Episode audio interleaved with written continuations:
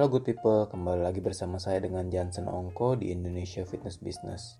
Pada pekan lalu saya ada share tentang podcast dari seseorang yang saya hormati, yaitu Pak Daniel tentang waktu. Di mana di podcastnya dia mengatakan bahwa waktu adalah the most precious things in the world. Setuju sekali dengan pendapat tersebut. Nah berbicara tentang waktu, kita sebagai fitness coach ataupun grup instructor sering kali lupa bahwa yang berhubungan dengan waktu itu sangat sensitif. Salah satu syarat untuk menjadi seorang coach yang disegani atau yang dihormati oleh klien maupun yang memberikan pekerjaan adalah mampu menghargai waktu itu sendiri. Jadi sebagai coach dan juga sebagai seorang business owner, saya sangat paham betul bahwa tepat waktu itu adalah salah satu kunci kesuksesan yang di mana harus dimiliki oleh setiap coach maupun grup instructor. Tepat waktu hadir 10 15 menit sebelum waktunya pelatihan dimulai itu tidak hanya menunjukkan bahwa Anda adalah seorang profesional, tetapi juga merupakan suatu perwujudan respect atau memberikan rasa hormat kepada klien maupun orang-orang yang akan Anda latih. Ini berlaku juga saat kita menentukan waktu untuk meeting. Jadi sering kali saya harus menolak meeting dengan seseorang akibat mereka telat. Bukan bermaksud untuk menjadi sangat strict, belum lagi uh, ini ya seperti yang tidak memahami kondisi jalanan di Jakarta terutama ya atau di kota-kota besar lainnya yang berhubungan dengan macet yang biasanya dijadikan alasan sih. Tapi saat kita menentukan waktu meeting maka kita sudah sebaiknya sudah harus memastikan kita mampu untuk datang tepat waktu. Apabila tidak bisa datang tepat waktu pun, ada beberapa cara agar kita tidak kehilangan respect dari orang yang akan kita temui.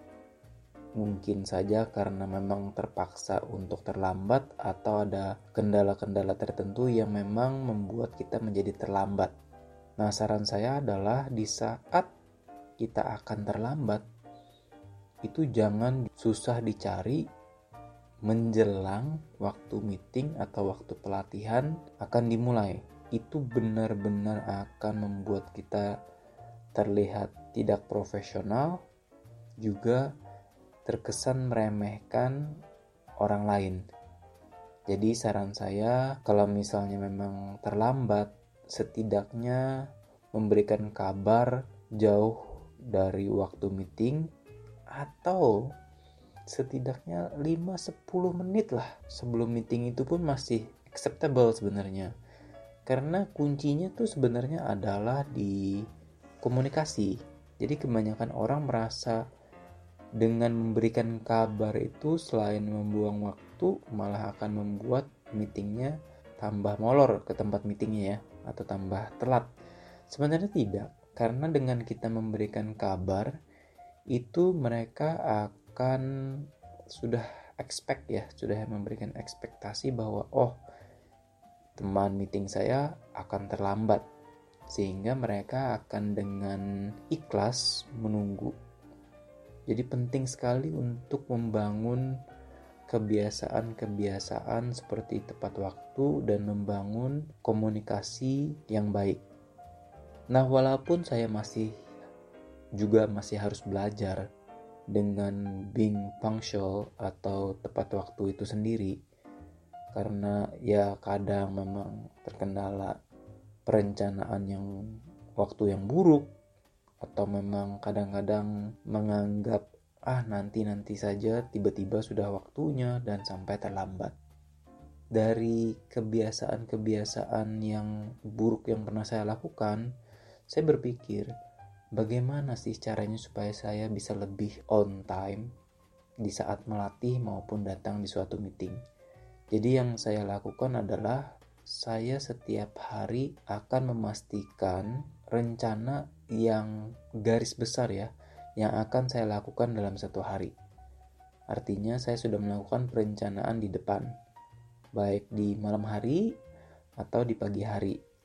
Jadi di situ saya sudah mencoba untuk memprioritaskan memprioritaskan ya, jangan lupa memprioritaskan apa yang harus saya lakukan.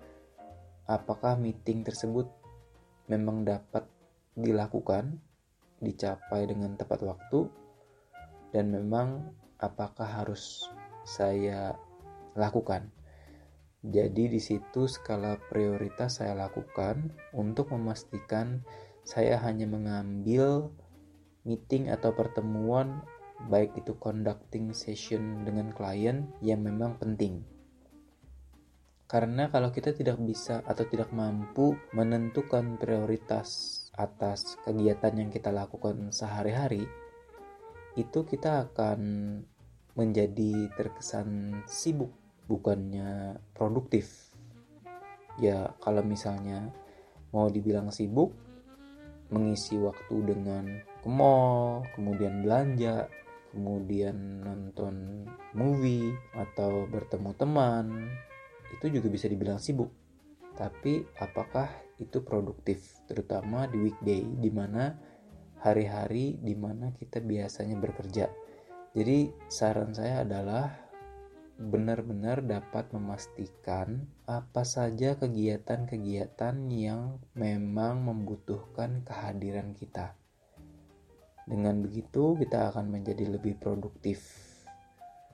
Ya, kalau misalnya sudah melakukan hal ini, masih harus ini ya, masih harus coba dan mencoba lagi, kemudian lalai, terjadi lagi yang namanya telat, itu wajar tidak ada orang yang dapat mengubah kebiasaannya secara langsung.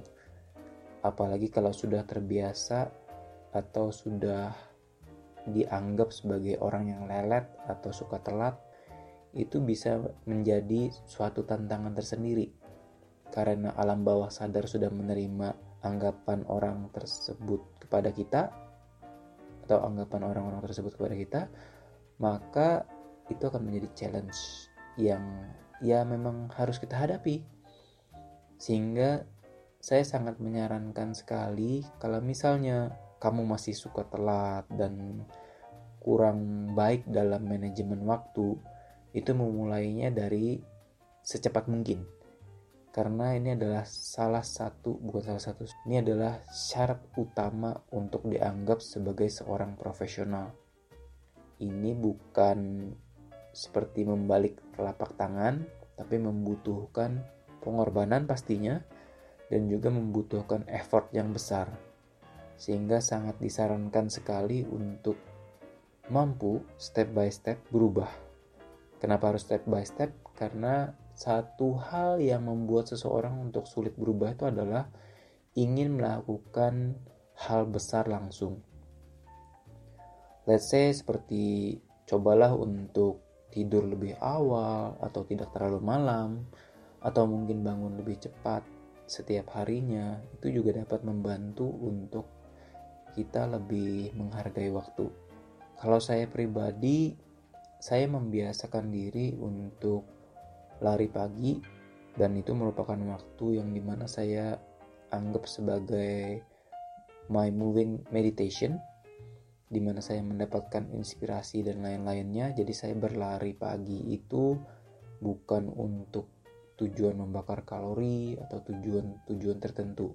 Nah, hal-hal yang sebenarnya apa yang akan kita lakukan dan kita tahu konsekuensi atau tujuannya itu akan membuat kita lebih konsisten dalam melakukan sesuatu. Seperti yang saya jelaskan tadi, saya berlari setiap pagi saya tidak akan menganggap, menganggap bahwa aduh saya harus bangun pagi untuk berolahraga tidak. Saya akan menganggap itu adalah momen di mana kamu mendapatkan inspirasi juga sekaligus mendapatkan manfaat yaitu sehat. Jadi di situ saya mendapatkan inspirasi, di situ juga saya mendapatkan mood yang baik untuk menjalani sepanjang hari itu. Jadi apa pun yang terjadi dalam hari itu biasanya kalau setelah saya lari pagi itu saya lebih kalem. Nah karena kebiasaan kecil yang saya lakukan setiap pagi itu membuat saya menjadi lebih konsisten apabila saya menentukan meeting.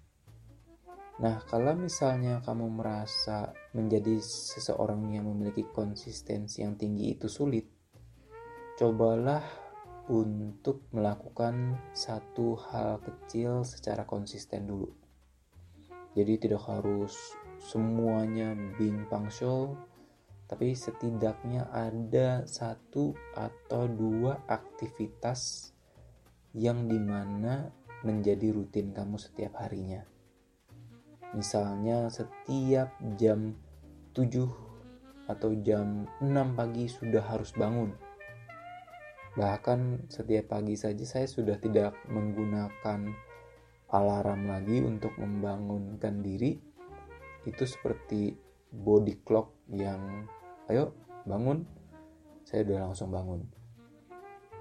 Cuman kalau misalnya saya ada flight atau ada misalnya workshop atau seminar, saya menentukan uh, memasang alarm itu untuk memastikan saya pasti bangun saja tapi biasanya alarm sendiri tidak terpakai.